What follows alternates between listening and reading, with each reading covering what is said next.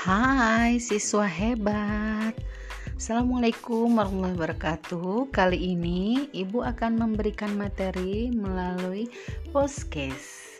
Jangan lupa untuk selalu mengikuti podcast-podcast yang akan ibu buat berikutnya.